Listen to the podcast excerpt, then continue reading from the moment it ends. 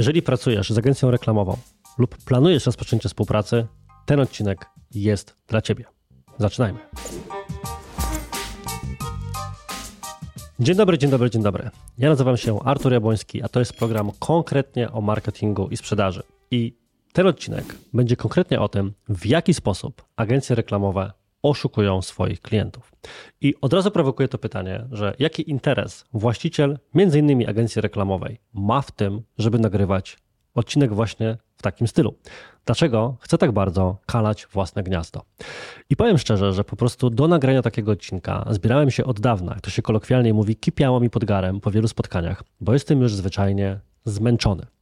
Był taki okres, gdzie widząc różne sposoby, w jaki agencje oszukują klientów, po prostu mnie to bawiło. Na zasadzie anegdotki, haha, ale ktoś się albo dał nabrać, albo ale ktoś cwaniak w cudzysłowie. Ale po jakimś czasie bawić mnie przestało. Bo ile można w procesie sprzedaży zajmować się głównie tym, żeby udowadniać, że się nie jest wielbłądem. A takie są niestety fakty, że każda źle działająca agencja, wykorzystująca niewiedzę klienta, a co za tym idzie częstokroć kłamiąca nawet w żywe oczy, sprawia, że ja, będący kolejną, która ma po niej posprzątać, mam z definicji na dzień dobry od klienta niższe zaufanie. Ale nie postanowiłem nagrać odcinka, w którym będę teraz po prostu rypał na jakichś innych ludzi, denerwował się, ekscytował, bo nie jestem patostreamerem. Chyba. Natomiast postanowiłem przygotować kilka punktów, na które powinieneś zwrócić uwagę jako właściciel firmy bądź jakaś osoba decyzyjna decydująca o podjęciu współpracy z agencją reklamową, które można by nazwać listą czerwonych flag.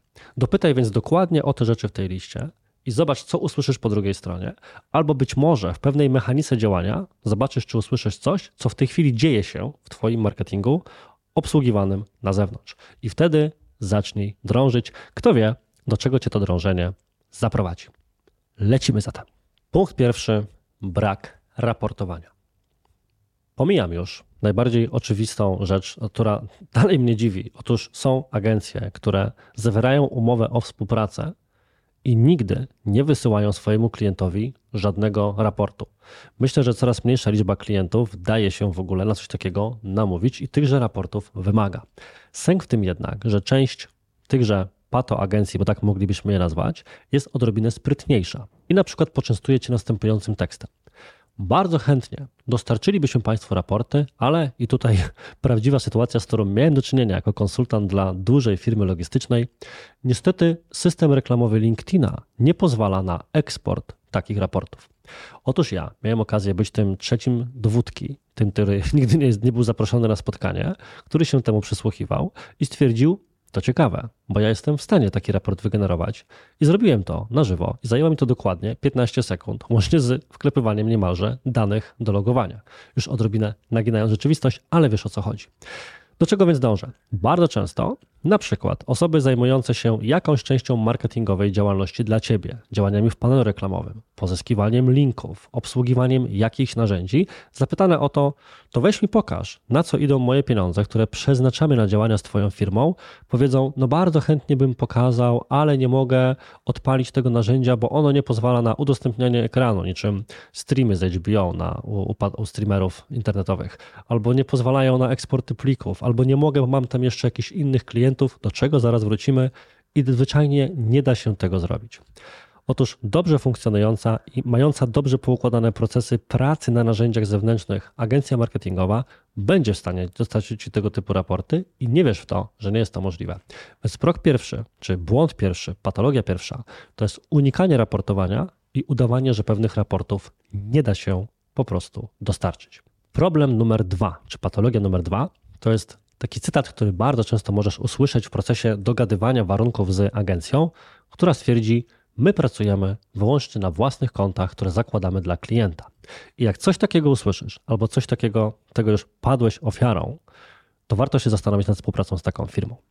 Ale uwaga, najpierw trochę założę czapkę advocatus diaboli i postaram się wyjaśnić, z czego takie działanie najczęściej się bierze. Otóż ja to doskonale rozumiem.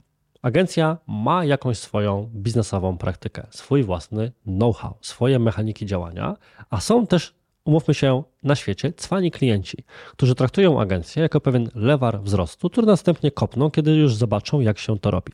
I sam przyznam, wielokrotnie padłem ofiarą tego, że przyszedł do nas klient, który chciał po prostu wyciągnąć wiedzę z mojej organizacji. Posiedział sobie miesiąc, dwa, zobaczył, jak my te rzeczy ustawiamy. Jak tylko zaczęło to funkcjonować, bo za pomocą weryfikowania hipotez udało nam się dojść do tego, jak skalować dany biznes reklamami w sieci, to wtedy teletubi się mówią papa, zabrał swoje konto reklamowe i poszedł. To, czego nie przewidział prawdopodobnie, to że bez takiej stałej optymalizacji i wiedzy w tym temacie, to to się prędzej niż później po prostu wysypie, ale dziś odcinek nie o tym. Natomiast powiedziałem o tym dlatego, żebyś być może zrozumiał, zrozumiała perspektywę firmy, która właśnie padła być może o raz za dużo e, ofiarą takiej sytuacji i stwierdziła, od tej pory pracujemy tylko na własnych kontach, żeby klient nie był nam w stanie tego zrobić. Więc być może jest to kwestia modelu czy podejścia do biznesu, pewnego modus operandi, to się ładnie po łacinie mówi. Natomiast moja polityka i poetyka jest nieco inna i zakładam, że jednak lepsza jest ta moja niż ta pierwsza, którą wymieniłem. Otóż agencja powinna pracować na kontach, które zostały założone przez ciebie i dla ciebie i na koniec dnia należą do ciebie. I są ku temu bardzo konkretne powody. Jakie to powody? Otóż bardzo często fakt, że agencja pracuje na własnym koncie, jest przykrywką dla pewnych nie do końca uczciwych działań, z których niestety wszystkie już widziałem. Działanie numer pierwsze jest tak, jest, polega na tym, że agencja z jednego konta obsługuje wszystkich klientów, co wiąże się właśnie z tym wątkiem raportowania. Nie powinno tak być. Nie wdawajmy się dzisiaj w techniczne szczegóły, dlaczego agencje tak robią, bo to nie czas i miejsce na to, zajęłoby to prawie cały odcinek, ale to właśnie potem rodzi te problemy, że nie mogą ci dać dostępu do konta, na przykład kiedy zakończycie współpracę. Dane nie zostaną z tobą, nie będziesz ich mógł po prostu mieć. Ale drugim, jeszcze gorszym powodem, dla którego agencja może tak robić, to jest to, że jest bardzo możliwe, że jeżeli płacisz jakąś stawkę, to nie idzie pełen budżet na reklamy, na jaki się umówiliście. Do czego za chwilę jeszcze przejdziemy. Bo dwa kolejne błędy bardzo mocno wynikają z tego właścicielstwa konta. Bardzo często bowiem możesz w procesie sprzedaży od nieuczciwej agencji usłyszeć następującą argumentację. Proszę pana, Proszę pani, my założymy tutaj dla pani konta, bądź będziemy pracować na naszych kontach, bo rozumie pani, my mamy tutaj już tak ważny status dla Google'a, że jesteśmy specjalnym partnerem Uber Hyper Premium i kiedy to my założymy takie konto, to będziemy w stanie reklamować się dla pani po preferencyjnych stawkach, bo takie mamy już chody w Google, rozumie pani. No i teraz tak, ja oczywiście zakładam, że nie mam monopolu na prawdę i być może są rzeczy, które z uwagi na jakąś tam skalę swoich, e, swojej działalności, skromne kilkanaście milionów rocznie, zwyczajnie jeszcze nie poznałem. Natomiast to, co wiem, to że my jesteśmy Google Premier Partner, partnerem premium. Taki, e, taki tytuł dostaje 3% agencji najlepszych w danym kraju, a spośród tych top 3% my jeszcze jesteśmy na takiej ręcznie wybranej liście ulubieńców, w cudzysłowie, Google w kraju, na takim poziomie nawet, że Google wspólnie z nami robi eventy dla naszych klientów. I choćbym chciał, to jednak jakichś preferowanych stawek nie mam i nikt mi tam w Google z podlady jakichś tańszych kosztów kliknięcia nie oferował. Zakładam więc, że jest to właśnie forma ściemy, żeby nie pozwolić Ci potem dostać dostępu do własnych danych. I to wiąże się właśnie z wątkiem numer 4. Wątek numer 4 brzmi rozliczanie się poprzez jedną stałą opłatę, w której ma się zawierać jakiś budżet na działania marketingowe. I tu niestety jest bardzo duże pole do nadużyć. Pamiętaj o tym, żeby zawierając umowę, czy słuchając oferty, w której padnie jakaś kwota, od razu się dopytywać, jaka część tej kwoty to jest kwota za obsługę, a jaka część tej kwoty to na przykład budżet mediowy, budżet na pozycjonowanie w rozumieniu działania typu zakup linków, budżet na dowolną inną rzecz, narzędzia, które trzeba w tym procesie wykorzystać. Bo załóżmy, że umawiasz się na kwotę 10-20 tysięcy miesięcznie i ktoś ci oczywiście mówi, że to będzie wyglądało tak, a nie inaczej, ale ja już widziałem sytuację, w której proporcja miała być taka, że idzie 5 tysięcy na obsługę, 15 na kampanię, ale kiedy się już udało wymusić różnymi metodami dostęp do konta, jako konsultant mogłem się pochylić nad tym, jak to wygląda, to okazało się, że proporcje są po prostu odwrotne. I ktoś sobie 15 tysięcy zostawiał, 5 tysięcy na reklamę wydawał, a ponieważ nie wysyłał raporty albo robił je jak chciał i klient nie miał dostępu do konta, żeby to samodzielnie sprawdzić, to dwa lata zajęło, zanim w ogóle zdążył się zorientować, że chyba jednak, jak na skalę wydatków, to jego działania marketingowe są lekko niedoszacowane.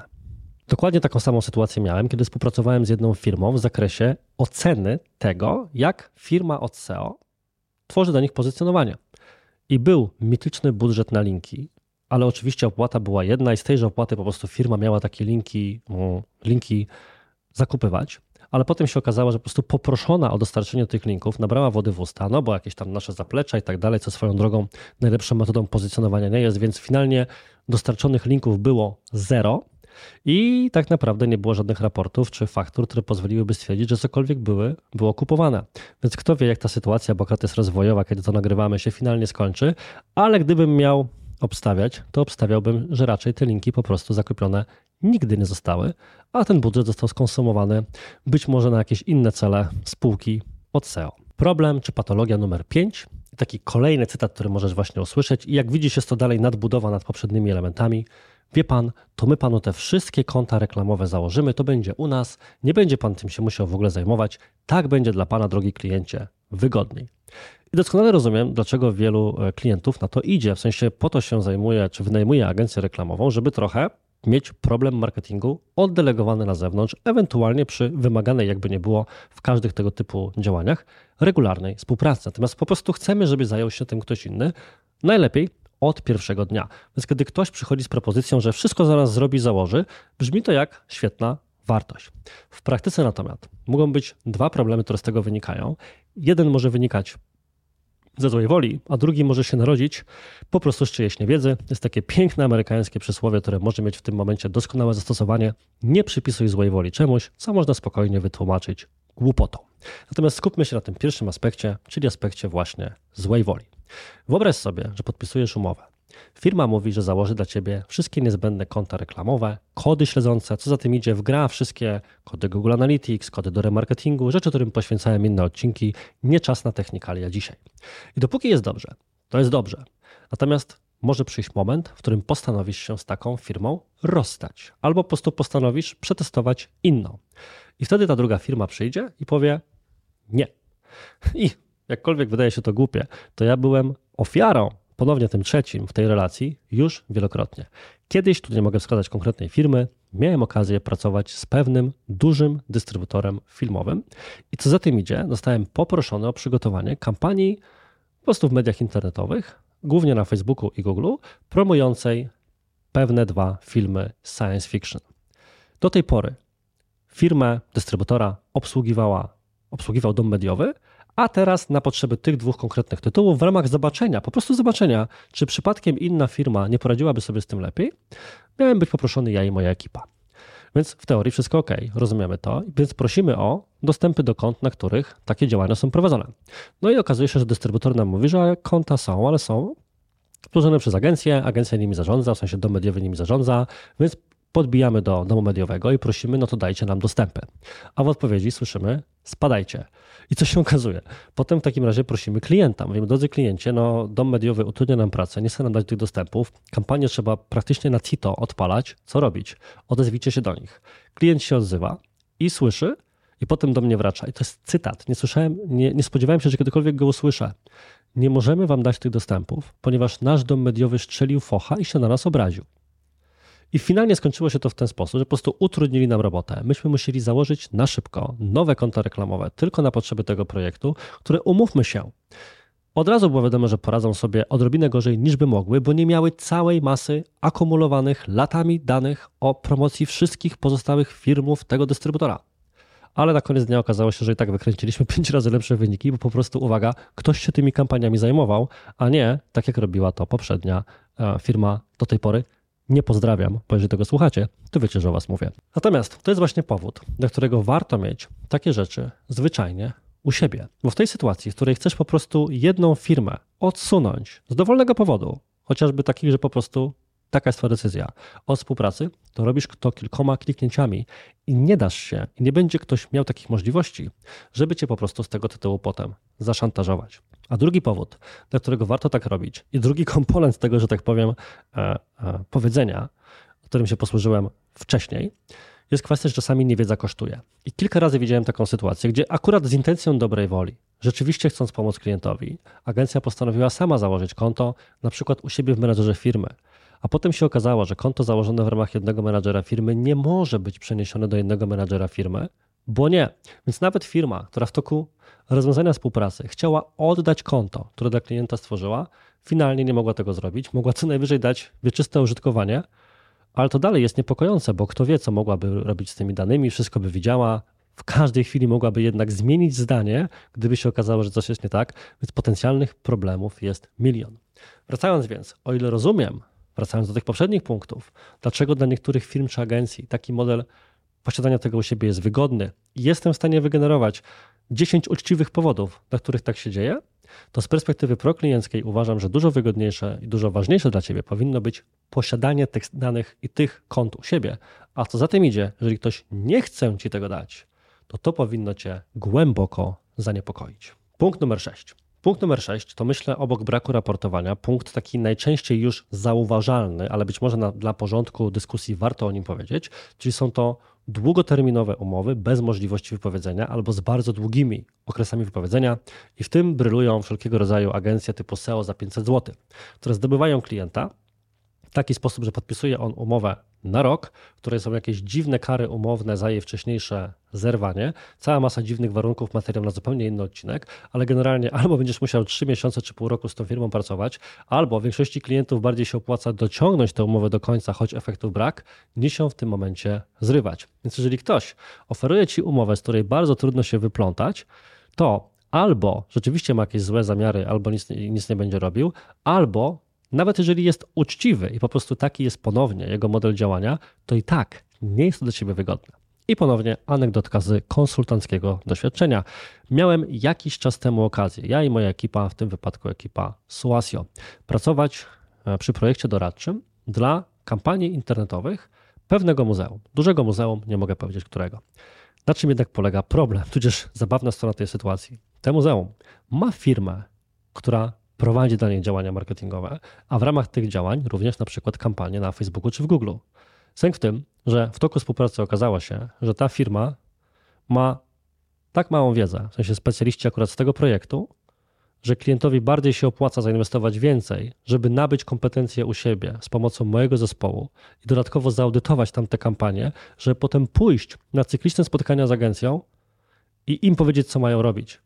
Bo kiedy ta firma w toku regularnych spotkań pyta, dobra, to co zrobimy, to odpowiedzią jest albo głucha cisza, albo jakieś odgrzewane kotlety w zakresie pomysłów, generalnie brak inicjatywy, brak zaangażowania, brak prawdopodobnie również i kompetencji, znajomości systemów, ale długoterminowa, ciężka do rozwiązania umowa, w tym momencie dochodzą jeszcze kwestie, wiecie, prawa zamówień publicznych i tak dalej, więc tutaj tak naprawdę to tę firmę wiąże, sprawia, żeby trzeba było szukać takiego plastra na gorejącą ranę pod postacią mojej firmy doradczej, żeby cokolwiek w tymże układzie zmienić.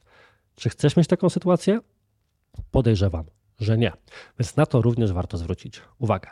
I wreszcie, ostatni punkt, który jest z kolei związany z tak zwanymi agencjami interaktywnymi czy firmami tworzącymi strony www. Jest to kompetencja często również realizowana przez agencje reklamowe, więc pozwoliłem sobie pod tą kategorię to podetknąć. I tym elementem jest, proszę pana, My chętnie zrobimy Panu stronę internetową, natomiast zrobimy ją, uwaga, na naszym autorskim systemie CMS. Dzięki temu, proszę Pana, my będziemy tam mogli wszystkim świetnie zarządzać, ta strona będzie świetnie e, się pozycjonowała, no i wie Pan, będzie bezpieczna, no bo te wszystkie darmowe systemy, jakieś WordPressy, jakie coś, no to przecież jest dziurawe jak ser szwajcarski, ktoś Panu wejdzie, wykradnie dane i tak dalej, i tak dalej.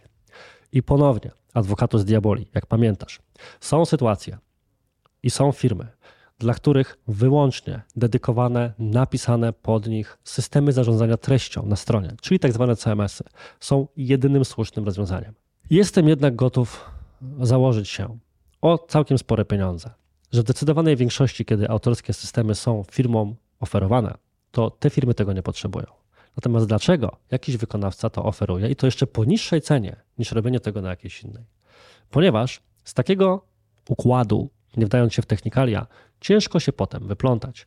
Dowolny inny deweloper spokojnie odnajdzie się na stronie zbudowanej w systemie czy na silniku, który zna, jak na przykład globalnie dominujący WordPress, a nowego systemu musiałby się całkowicie nauczyć, całej dokumentacji technicznej, czy cokolwiek tam ci programiści robią. Ja na tyle aż techniczny również nie jestem i jest to z definicji problematyczne. Co więcej, ty jesteś wówczas uwiązany do tej jednej firmy, autorów danego CMS.